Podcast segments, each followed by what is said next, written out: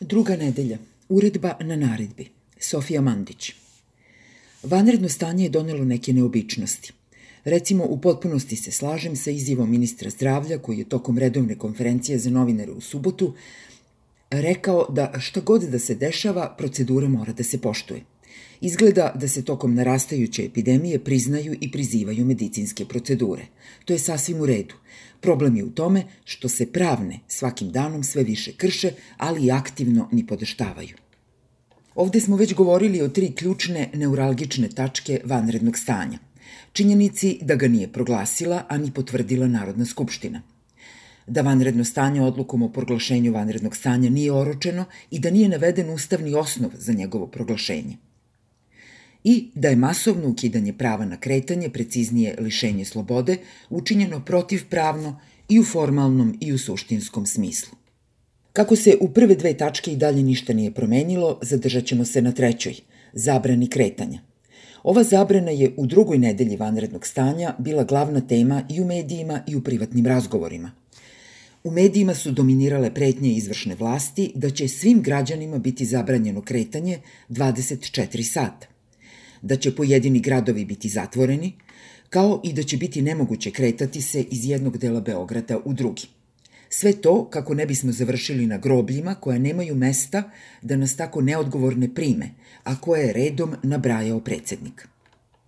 Ove pretnje zatvaranjem i grobljima u situaciji pandemije i gotovo globalne apokalipse predstavljaju nešto najmonstruoznije što smo od vladajuće klike videli do sada, a videli smo svašta – Sem pretnji, tokom nedugog vanrednog stanja videli smo čak četiri varijacije naredbe o ograničenju i zabrani kretanja lica na teritoriji Republike Srbije koje je sve izdao ministar unutrašnjih poslova. Konstantno su slobode lišene osobe od 65 godina. Ostalima je kućni zatvor produžen, umesto od 20 časova, od 17 časova do 5 ujutru, a zatim i od 15 časova vikendom. Sadistički se žongliralo i izlaženjem ljubimaca da obave fiziološke potrebe, pa su se kratkotrajnih 20 minuta u večernjim satima, ali samo 200 metara od mesta stanovanja, ubrzo pretvorili u nula minuta. Starci su dobili nedeljni termin u zoru da izađu i da se prehrane. Žao mi je što moram da ponavljam, ali činim to iz čiste neophodnosti. Naredba ministra unutrašnjih poslova o ograničenju i zabrani kretanja nije validan pravni osnov za ograničenje ustavnog prava na kretanje, niti i jednog drugog prava.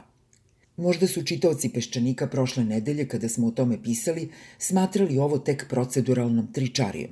Stvari su se umeđu vremenu ipak promenile, jer je čak i ministar zdravlja odao priznanje važnosti procedura – a naredba Nebojše Stefanovića se promenila čak četiri puta, sa naznakama izmena koje nemaju kraja. Zašto se ne bi menjala i nekoliko puta dnevno, ne bi li to bilo najuzbudljivije? Među stanovništvom je narasla panika i neizvesnost. Šta će nam danas dati, a šta će nam ukinuti? Kada ne znamo šta je dozvoljeno ponašanje, potrebno je da mirno sebi ponovimo da nam pravo na kretanje tokom vanrednog stanja može biti ograničeno, ali ne i ukinuto. Ovo ograničenje može sprovesti samo Narodna skupština, a izuzetno vlada svojom uredbom uz supotpis predsednika. To se do dana današnjeg nije desilo. Predlažem da se svako od nas, upreko sa strahu od bolesti ili moguće obesti izvršne vlasti, u ovim dobrovoljno izolacijskim danima makar jednom dnevno pogleda u ogledalo i kaže ja sam slobodan čovek.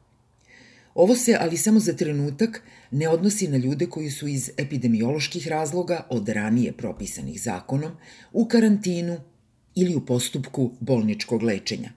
Ali kada karantin i lečenje prođu, i ovi ljudi sebi mogu ponoviti isto, da su slobodni. I ne, zaista ništa u tome ne menja uredba vlade – o prekršaju za kršenje naredbe ministra unutrašnjih poslova koja propisuje da prekršilac može biti kažnjen novčanom kaznom od 50 do 150 hiljada dinara ukoliko ne poštuje naredbu. Ništa ne menja ni to što se ovom uredbom van snage stavlja član 8 Zakona o prekršajima koji zabranjuje ponovno suđenje o istoj stvari – Namera genijalnih pravnih umova je da se krivični postupci, koji su eventualno pokrenuti zbog kršenja epidemioloških pravila, dovrše po ovoj uredbi i valjda poslednje proizvedenoj naredbi ministra, Iako je prva naredba upućivala na krivično pravno kažnjavanje, ovo je takođe bio nonsens kojim publiku u teškim vremenima ne treba dodatno zamarati. Ako čak izuzmemo pravno neznanje, čitava ova situacija bi se mogla opisati kao desna ruka ne zna šta radi leva. Priču o uredbi koja treba da pokrije ministarske naredbe možemo kratko zaokružiti time da Ustav izričito zabranjuje ograničavanje prava na pravnu sigurnost u kaznenom pravu tokom vanrednog i ratnog stanja, uključujući tu zabranu suđenja za delo koje nije bilo kažnjivo u vreme njegovog izvršenja, kao i zabranu ponovnog suđenja za isto delo. Dakle, ponovimo, Naredba ministra nije valjan pravni osnov za ograničenje, a posebno ne ukidanje prava na kretanje. Uredba o naredbi krši izričitu ustavnu zabranu. Vlasti namerno koriste pandemiju da muče stanovništvo.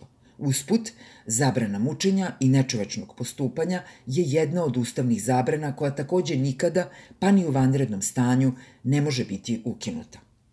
Ukoliko nismo u institucionalno određenom karantinu ili pri bolničkom lečenju, Ukoliko se ne okupljamo u grupama u bilo koje doba dana ili noći, odluka da li ćemo izaći na ulicu je direktno proporcionalna obimu straha koji ovaj režim upumpao u nas od kada je shvatio da koronavirus ne postoji samo na Facebooku. Na kraju nekoliko reči o lekarima kojima u ovoj situaciji poveravamo naše pojedinačno, a naročito javno zdravlje. Oni pozivaju na poverenje. Mi im verujemo onoliko koliko to možemo u zemlji devastiranog zdravstvenog sistema. Odlučujemo da verujemo jer nemamo drugi racionalni izlaz. Ne želimo političare koji pričaju o medicini i epidemiji. Zbog toga redovno pratim istupe naših lekara i pri tome sam čula da je bezbedno šetati se u spoljnom okruženju na razdaljini od 2 metra od druge osobe, ako izuzmemo osobe sa kojima inače delimo prostor da su maske i rukavice preporučljive, ali ne i neophodne ako držimo ovo odstojanje i ne dodirujemo eventualno kontaminirane površine i zatim usta, oči i nos.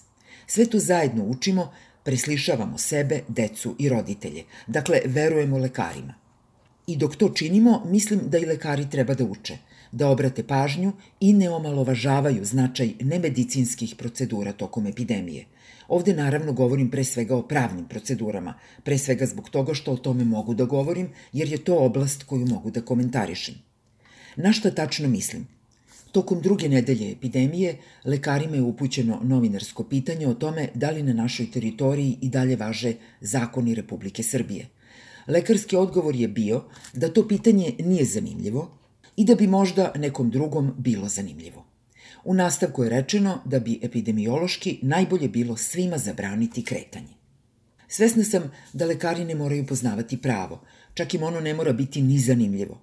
Ipak, lekari moraju poznavati pravo u oblasti za koju su specijalizovani jer ga primenjuju. Tamo gde imaju dilemu, dokle smeju da idu, treba da pitaju pravnike.